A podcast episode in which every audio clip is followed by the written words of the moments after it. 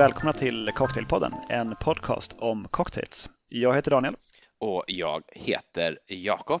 Hallå där. Hej hej. Vad ska vi prata om idag? Idag ska vi prata om ett av de allra mest, tror jag, mytomspunna eh, destillerade drycker som finns, nämligen absint. Den gröna fen? Den gröna fen, precis. Men innan vi gör det så har jag fått för mig att du har någonting som du vill delge lyssnarna. Jag vet inte vad det är, så det här det kanske inte är något av värde, men, men, men, eh, men ut med språket nu, tala ur skägget. Jo, eh, Mo som eh, eh, kom upp från Amsterdam för att bartendra på vårt bröllop mm. kommer till Göteborg på fredag den 5 och ska göra någon form av gästbartendrande. Och om du känner igen fredag den 15 så kanske det, du tänker, nej men herregud Daniel, då är du i Stockholm. Just, ja, just det. Ja, och det är det som är min stora olycka, att jag är faktiskt inte på plats i Göteborg. Men då ska han vara på, på Stranger här i Göteborg och eh, skaka drinkar. Det är också allt jag vet, för det här är information jag har fått från, från Emily. Så att mm. Eh, det, det, ska finnas en tråd på Facebook om det. Men den har jag inte hunnit läsa nu ska vi spela in. Det finns ingen, eh, det finns ingen Cocktailpodden-rabatt då? Om man, om man uppger Daniel från Cocktailpodden som i liksom baren så får, får man en Fernet eller någonting? Jag tror inte att jag riktigt kan justera priserna på Stranger. Utan det, eh, Mo var väl där tror jag, för han var ju kvar några dagar efter bröllopet sen, så han var väl där och Eh, och, hängde lite grann med dem på Stranger och på några andra ställen i Göteborg. Och då har han väl eh, blivit uppbjuden av, av dem, tänker jag, för att eh, umgås och göra cocktails. Ja, men vad kul. Han är ju en, så vitt jag kunde bedöma, fantastiskt härlig person och duktig bartender. Så gå till Stranger den 15 mars. Just precis. Eh, vad bra. Det var det jag hade. då var vi klara för idag. Ja, skönt. ja, det är väl avsnittet kvar förstås. Vi ska, vi ska väl prata om, om, om absint lite grann också innan vi tackar för oss. Mm. Alltså det, det som många verkar liksom veta slash tro eller ha någon slags uppfattning av absint, det är liksom, okay, den, är, den är grön, mm. den är väldigt, väldigt stark och den är, är, farlig och man kan få hallucinationer om man dricker den och eh, van Gogh eh, skar av sig örat för att han hade druckit så mycket absint. Det är väl ungefär det, liksom det, den vanliga bitarna. Liksom. Så säger myten. Mm. Sanningen är väl att den är inte alltid grön.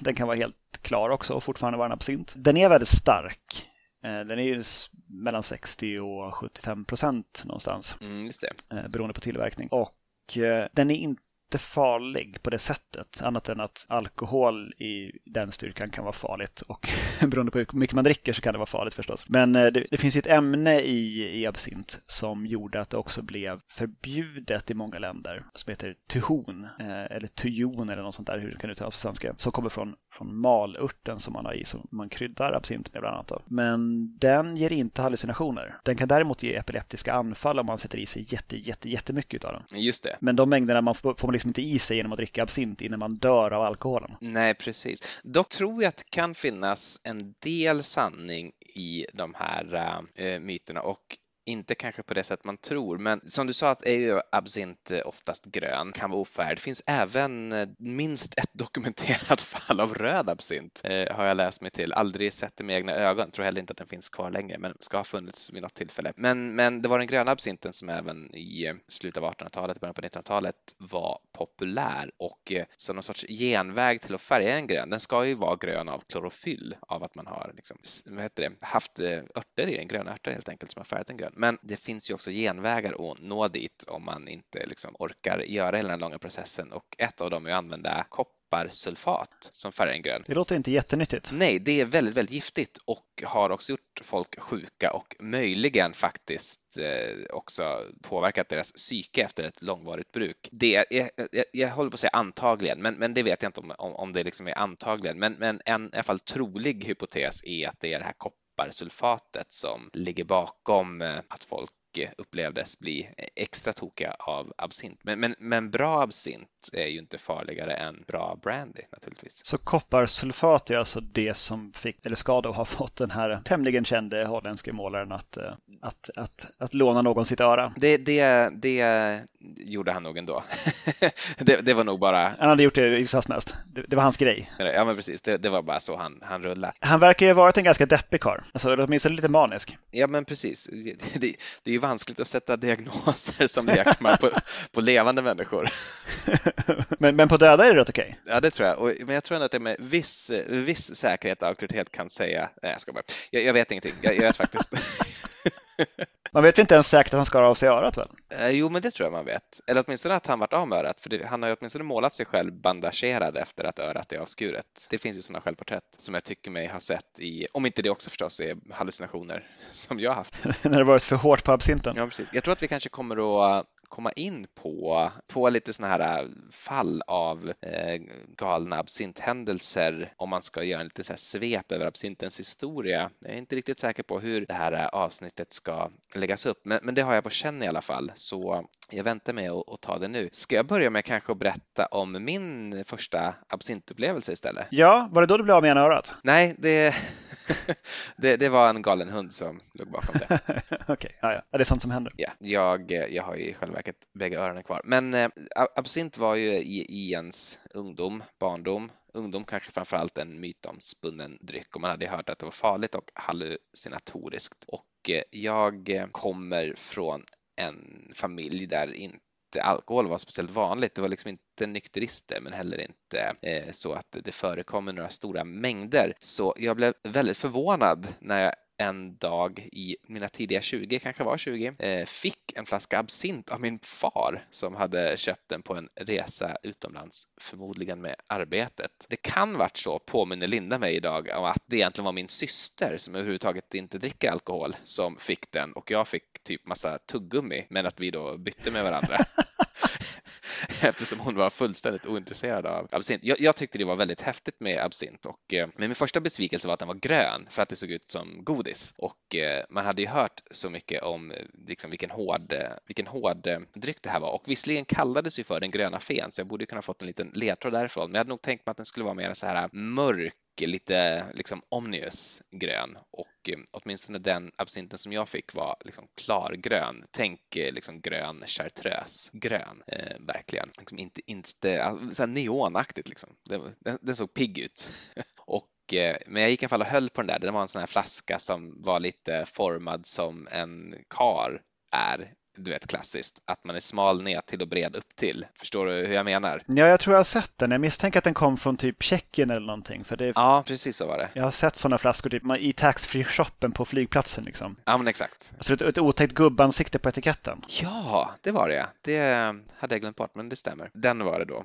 Eh, väldigt stark, men till slut, jag hade kanske ägt den ett år innan jag vågade öppna den där. Då kom ju besvikelsen nummer två. När jag smakade och smakade, jag vet inte riktigt vad jag hade tänkt mig, men jag hade liksom tänkt mig att nu kommer mitt liv att ändras på något sätt. Att nu, nu, nu blir jag vuxen på riktigt. Och så smakade det typ eh, lakrits, vilket ju var en smak som jag förknippade så väldigt, väldigt mycket med barndomens godispåsar att jag liksom nästan smällde av. Den var liksom illgrön och smakade lakrits. Tänkte det här är liksom den minst hårda spriten som jag någonsin har sett i hela mitt liv. Det här är ju liksom en, en, en, en likör som man säljer till 14-åringar. Oerhört stor besvikelse. Så, så jag absint började dåligt, men eh, det har vi nog tagit igen. Nu är det en av mina mest uppskattade eh, faktiskt flaskor som jag har i barskåpet. Använder inte mycket av det, men ofta men all, ofta i väldigt små mängder då. Det är sällan man liksom tar många centiliter absint i taget. Det, det gamla klassiska, hur, hur gör man vad som helst bättre, Jakob?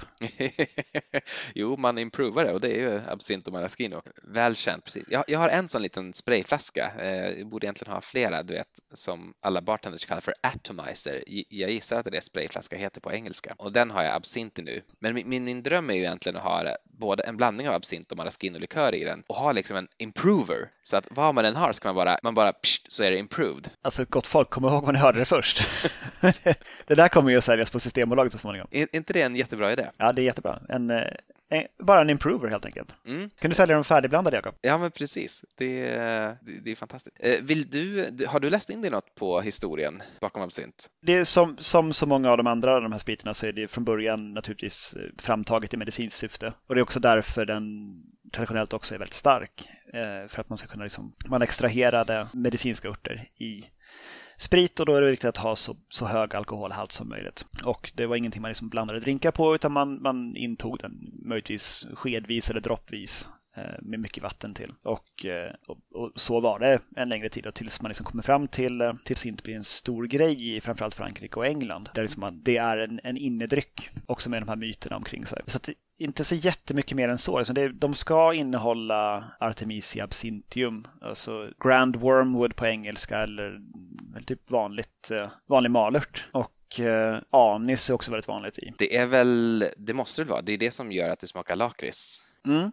Ja, jag vet inte om det är, alla länder har inte samma regler. Jag tror Tjeckien har väl det kanske de mest liberala reglerna för vad som får kallas för en absint. Eh, Frankrike har ju väldigt strikta regler. Överhuvudtaget inte vara speciellt hårda regler kring absint. Det verkar inte alls vara reglerat på det sätt som många andra av de här klassiska spriterna är. Kanske för att det var liksom låg i träda under så lång tid, så liksom under hela den här regelivringstiden så var det ändå ingen som producerade absint utom typ några små destillerier i Tjeckien.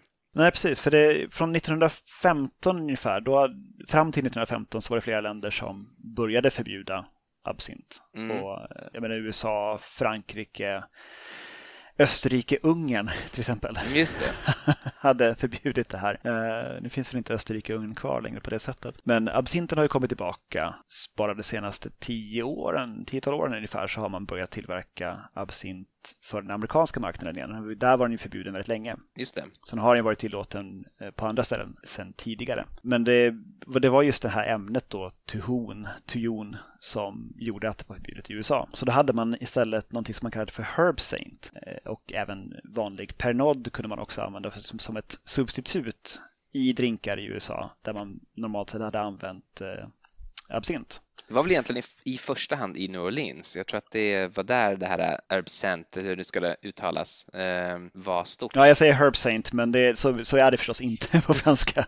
Jag, tror, ja, jag har fått för mig att det är att, att de vill uttala det i någon sorts amerikansk-fransk stil, ungefär som en Wu Carré, en, en herb scent, någonting. Det, det, är liksom inte, inte riktigt som man, som man tänker sig. Nej, precis, och det, och det tillverkas väl fortfarande Eh, den, det, det reservatet tillverkas fortfarande, men då är det utan eh, det här tuhonet då, på något vis. Man har lyckats bli av med det. Just det, och det och eh, även Green Opal var väl också en sån, eller Green Opal, jag vet inte riktigt hur det ska uttalas heller, eh, var väl en sån konkurrent till Herbcent tror jag under den här tiden. Så att ibland i de här gamla receptböckerna, bland annat eh, av en drink som jag har framför mig så är det Green Opal och ibland så stod det Herbcent och båda hävdar att de var det enda, enda liksom substitutet för absint som fanns, vilket jag tycker också är roligt. De, de förnekade varandras existens. Ja, men det blir också ganska trött tävling. Liksom. Ja, vi, vi, vi, var liksom, vi var den främsta eh, ersättningen till det som man nu kan köpa igen som är originalet. Mm. Jag, jag, vet, jag, jag vet inte om, tävling liksom. om, om det fortfarande är någon konkurrens mellan Green Opal och uh, Herbcent, men det var väl det på 30-40-talet kanske i uh, Louisiana. Men ja, hur som helst, nu är det ju tillåtet i de flesta länder, även med tuhon i eh, drycken. Då. Just det. Det, är, det är så pass små mängder att det, det blir inte farligt ändå.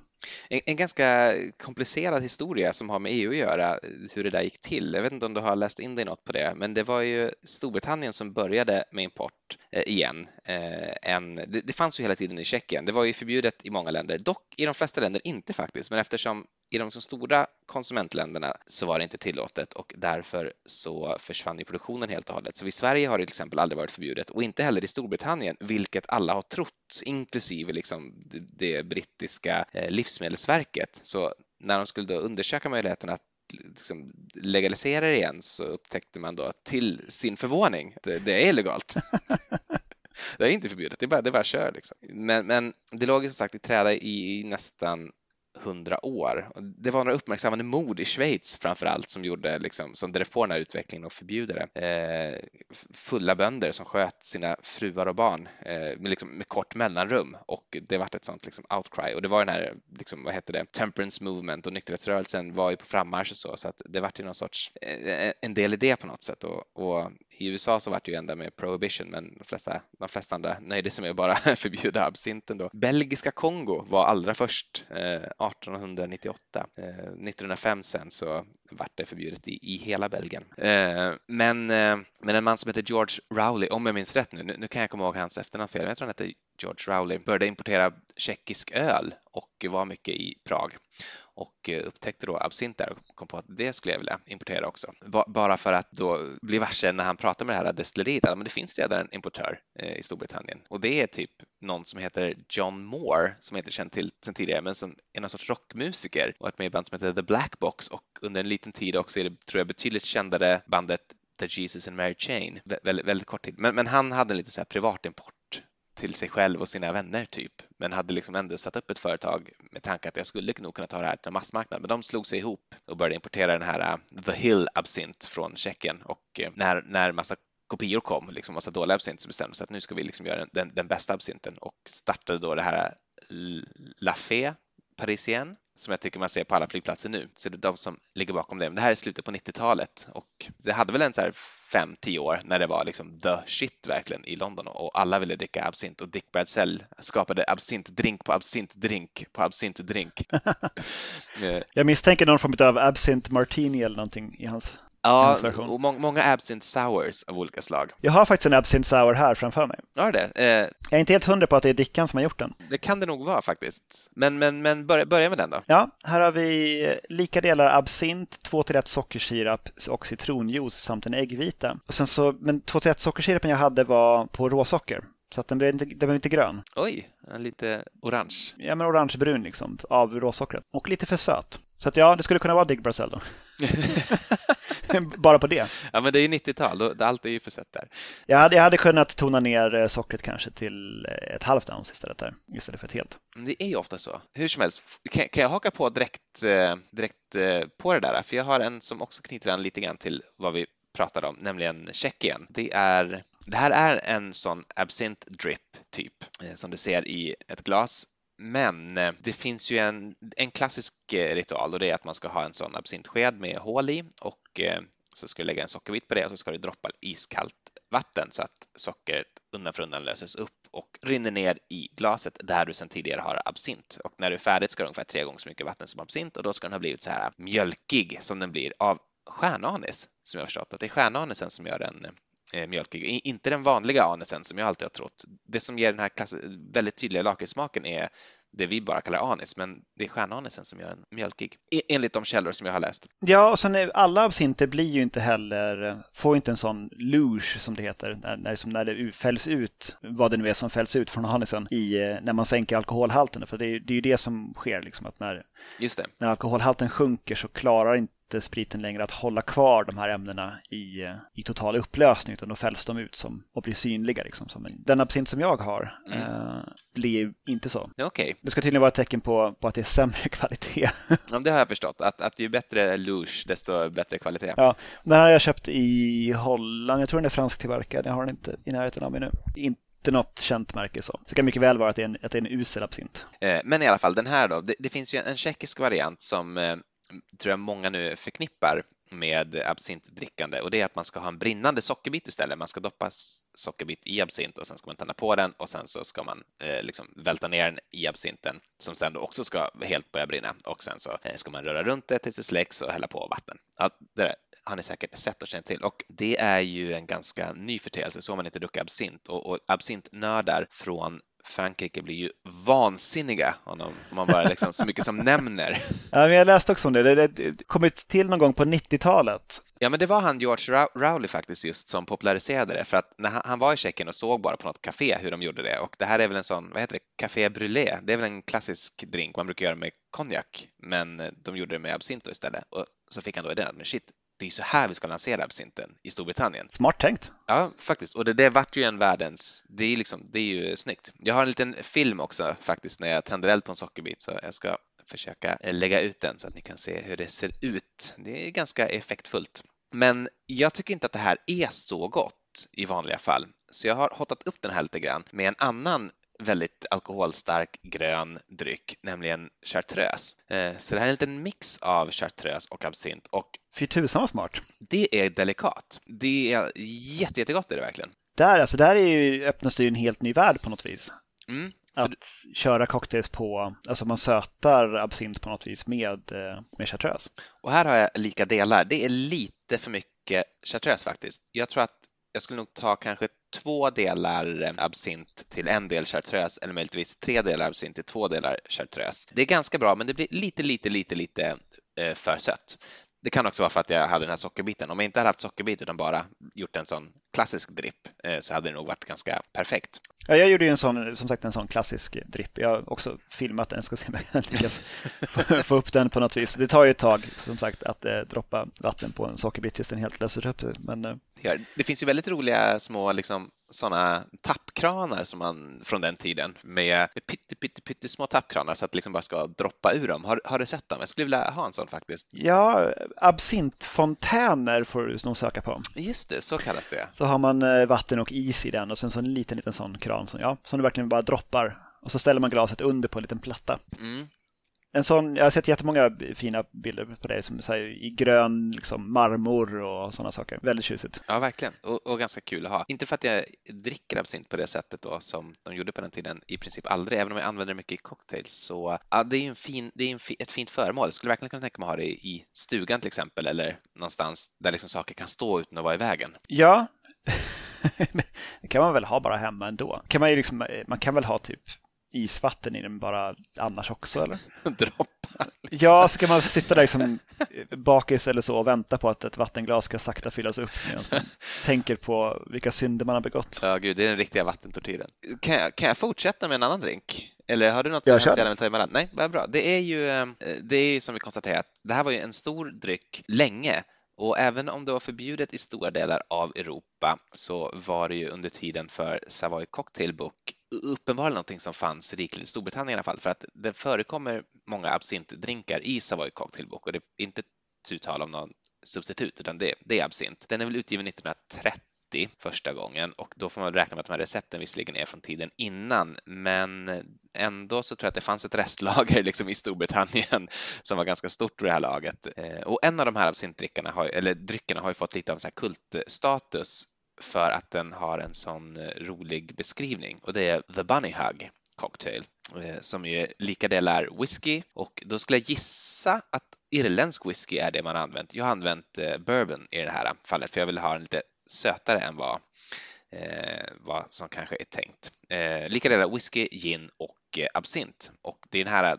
drycken där det står immediately pour this out before it's too late. Eh, Vad skulle kunna hända liksom? Ja, den har jag gjort nu i alla fall, för jag har tänkt att är den verkligen så, är den verkligen så illa? Och, Men du har inte hällt ut den? Nej, jag har den i glaset här. Åh nej, då är det för sent nu. Mm att. Gud, den är maffig. Jag har rört den väldigt länge då för att få en bra utspädning på den, men eh, den är ändå väldigt stark, fast den är liksom inte så, den smakar typ absint.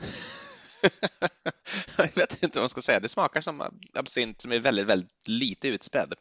Men jag har forskat det vill överdriva, men jag har läst på lite grann om det här namnet, var det kan komma ifrån. Det är ju någonting med den som är, alltså en, en sån bunny hug låter ju gulligt, det håller du med om? Ja. Eh, och det här är ju allt annat än gullig drink. Den borde heta någonting i stil med The Chainsaw eller The Ice Splitter eller, eller någonting, någonting hemskt.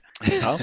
jag vet inte, jag, jag improviserar. Men på på eh, väldigt roliga bloggen Savoy Stomp så hittade jag en liten text om eh, The Bunny Hug. Savoy Stomp för övrigt en blogg som jag kan rekommendera. Det är någon snubbe som från år 2007 och framåt, jag tror inte att, jag tror den fortfarande är aktiv, går igenom alla recept i The Savoy Cocktail Book och gör dem och ger en liten recension på dem då. Och jag tycker han uttrycker det eh, ganska bra i en Eh, i en text här, så jag tänker bara citera honom rakt av om just The Bunny Hug. First, the cute name made no sense until someone pointed out that the Bunny Hug was some sort of raunchy dance invented in San Francisco's Fairmount Hotel, sort of the earliest early 1900s equivalent of freak dancing. Also, that hug was not really quite as cute a term as it might originally appear. Apparently, the name was supposed to evoke something more like doing it like rabbits. Okay. Och då ska man, för att, för att undvika att göra det som kaniner så ska man hälla ut den raskt. Jag antar det. Då, då kanske det inte är bara att den är så hemsk, att den är så äcklig, utan snarare typ att fort häll ut den. Annars så kommer liksom det utbrista någon sorts vild sexfest i våran liksom här, här på Savoy? Ja, och, och, och, det vill man ju undvika till varje pris. Så liksom, innan det är för sent. Det, det förklarar också innan det är för sent. Liksom, vad är det som ska hända det bara står? Ja, men nu vet vi vad som ska hända. Då, då kommer the bunny hug. Um, Men, men, om jag ska då ge ändå mitt eh, omdöme kring den här drinken så det, det är ju ingenting som någon någonsin skulle ta två av, tror jag. Det är ju en häxa egentligen ändå. Även, även om det inte är så hemskt som jag hade tänkt mig så är det ju essentially en häxa. Så whisky, gin och absint, sa det? Mm, lika delar. Det saknas bara typ bananlikör och julglögg i den där så har du en häxa.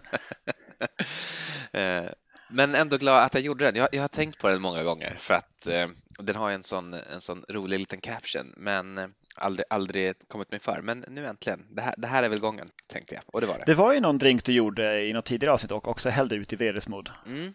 Vad var det då? Jag minns inte. Det var ju inspirerat förstås av, av Bunny Hug, hur de hanterar den. Den finns på Instagram någonstans. Ett kort filmklipp där du, där du slänger ut den här. Vad är det? Jag tror att den också var grön. Eh, kan, kan vara grön curacao som färgar den dock. Eh, har du mer? Eh, jag, har, jag har två till, men eh, ska jag ta dem på en gång eller? Ta oss, ta oss hela vägen in i mål, Jakob. Ja, Okej, okay. då har vi en drink här som jag har i ett sånt litet Nicken Nora-glas.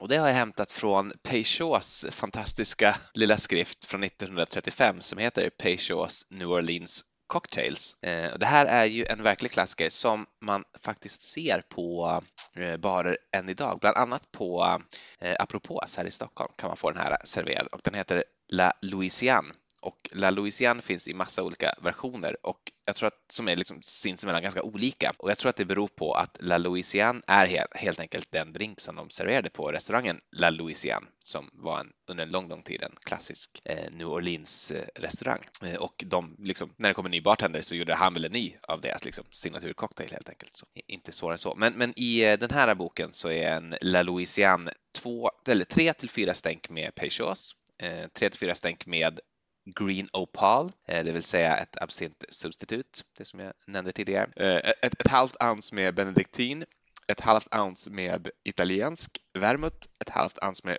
whisky och då ligger det väl nära till hands att tänka sig att det är rye whisky i första hand som avses för det var det som var stort i New Orleans vid den här tiden. Eh, det här ska röras på is och silas till ett valfritt glas och sen garneras står det med orange slice or cherry men jag vet det, tog det här på största allvar och tog då fyra körsbär som jag har garnerat med.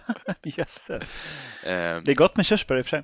Ja, det är det. Det här är utan tvekan den bästa drinken jag har här idag. Men det är bara för att du inte gjort en Sazerac. Ja, det är det. Men det, den här påminner ju lite grann om en Sazerac, fast liksom är lite mer spacehad, för den har ju både, den har ju både eh, absint och eh, peychaus och lite rye i sig. Men det är väl som en blandning av en Sazerac och en martini med lite Benediktini och som jag har sagt tidigare, Benediktin är ju the good maker, den, den, den, liksom, den, den mörka, onda goodmakern. Så att det här är gott. Du lanserar den som typ den mörka, onda maraskinon på något vis. Mm. Inte smakprofilmässigt, men vad den gör. Ja, men exakt. Verkligen. Det smakar ju inte alls som maraskino naturligtvis, men, men den har samma funktion i att det blir alltid ganska gott när man har lite benediktin i. Du kanske ska ha med den i din uh din improver då? Ja, det kanske, det kanske ska vara en egen. Dark improver. Förstås.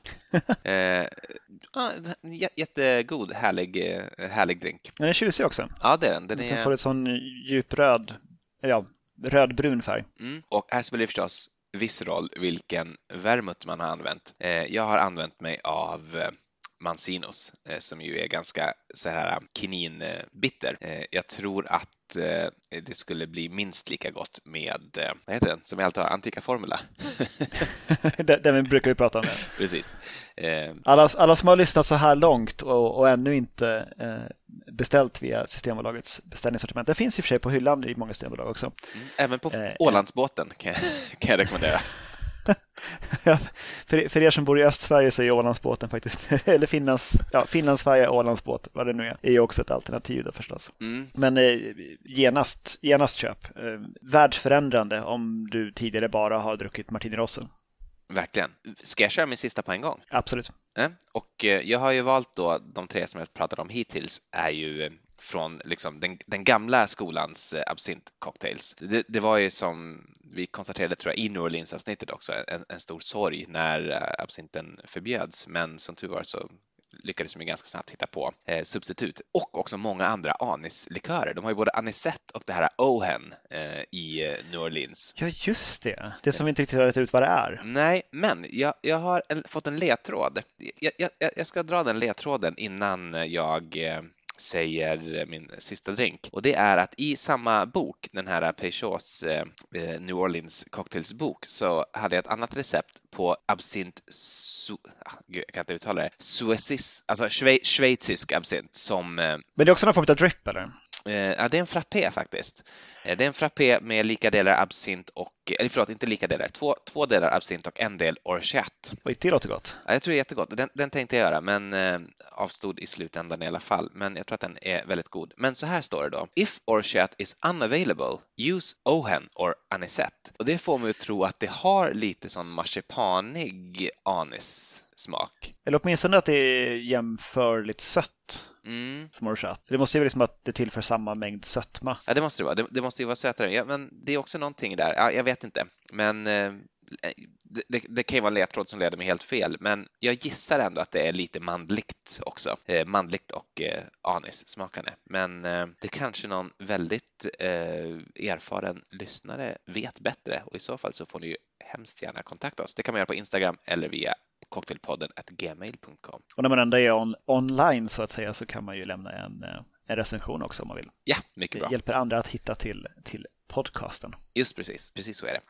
Eh, ja, men min sista cocktail då, den är inte från den klassiska eran utan den är från då post eh, 1998, det vill säga post när absint blir stort igen för andra gången kan man väl säga. Eh, och den heter Wink och är lite så här vackert rosa som du ser. Och det här är väl lite, en, lite av en Sazerac men på gin istället för whisky eh, konjak. Är det Peugeoten som gör den rosa eller? Precis så. Om Origin så står det så här på Diffords Guide. Created in 2002 by Tony Cogliaro at the Lonesdale, London, England. Eh, så från 2002 kommer den här drinken ursprungligen och i den här så ska det vara 1,5 centiliter absint, 6 centiliter gin. Förlåt, jag börjar om lite grann där, för 1,5 centiliter absint är inte riktigt sant, som jag kommer komma till snart. Det ska vara 6 centiliter gin, 0,75 eh, centiliter Cointreau eller någon annan jämförbar apelsinlikör. 0,38, det vill säga en åttondels ounce eh, sockerlag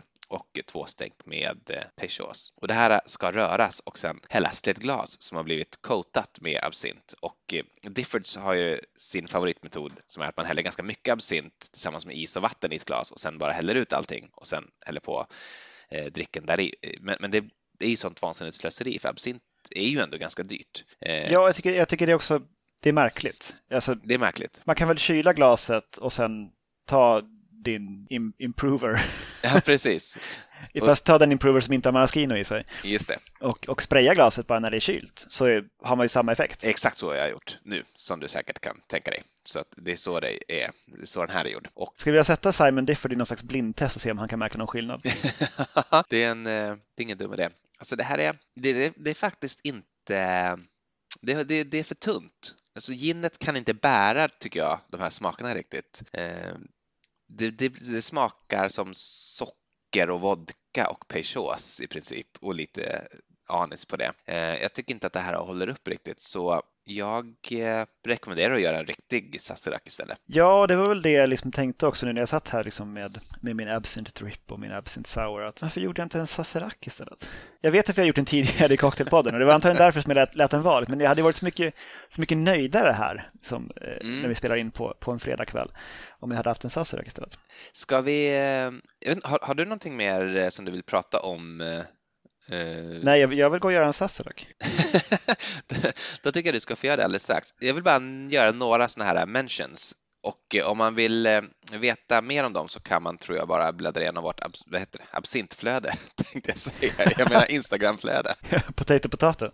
Precis. Och det är ju Death in the Afternoon som ju är, det finns i några olika varianter, men i princip så är det ju eh, citronabsint och eh, champagne och ibland bara absint och champagne. Väldigt, väldigt god. En, en, en Hemingway-esk historia. Just det. Absint makes the heart grow fonder. Väldigt komplicerad historia, men väl värd att göra om man vill. Det är cherry herring, det är Campari, det är absint, det är gin, det är all, all, allt möjligt. Det är väldigt, väldigt mycket i den. Men eh, om man ids och, och liksom har en ganska stor hemmabar så är det en så god drink. Ä även grapefruktjuice i den då. Det var den jag bjöd dig på en gång, men hade fel juice. Hade någon sorts blandning av apelsin och grape, vilket gjorde det till total katastrof. Den blev liksom för söt. Ja, den är typ ingen fräschör liksom. Nej, konstigt som, nog inte. Som man kan få från färskpressad grapefrukt. Och sen eh, Corp Survivor, ja, nummer två. Verkligen, verkligen. Den har vi väl nämnt ett gäng gånger och folk är nog ändå ganska bekanta med den tror jag. Jag tror också det. Jag vill också nämna Tuxedo Cocktail och då bara Improved Gin Cocktail som ju båda innehåller både maraschino och absint och i övrigt är typ en martini. Fantastisk fantastiska drinkar båda två. Och vi har redan dubbat 2019 som året då Improved Cocktails kommer att bli liksom den enda stora grejen. Jag tror det och det, jag nu, nu, kan jag inte eh, liksom citera mig själv på det här, eh, eller vad heter det, hitta källa på vad jag ska säga nu, men jag vet att jag har sett typ på Instagram någon så amerikansk instagrammare som har gjort samma spaning efter att vi har sagt det.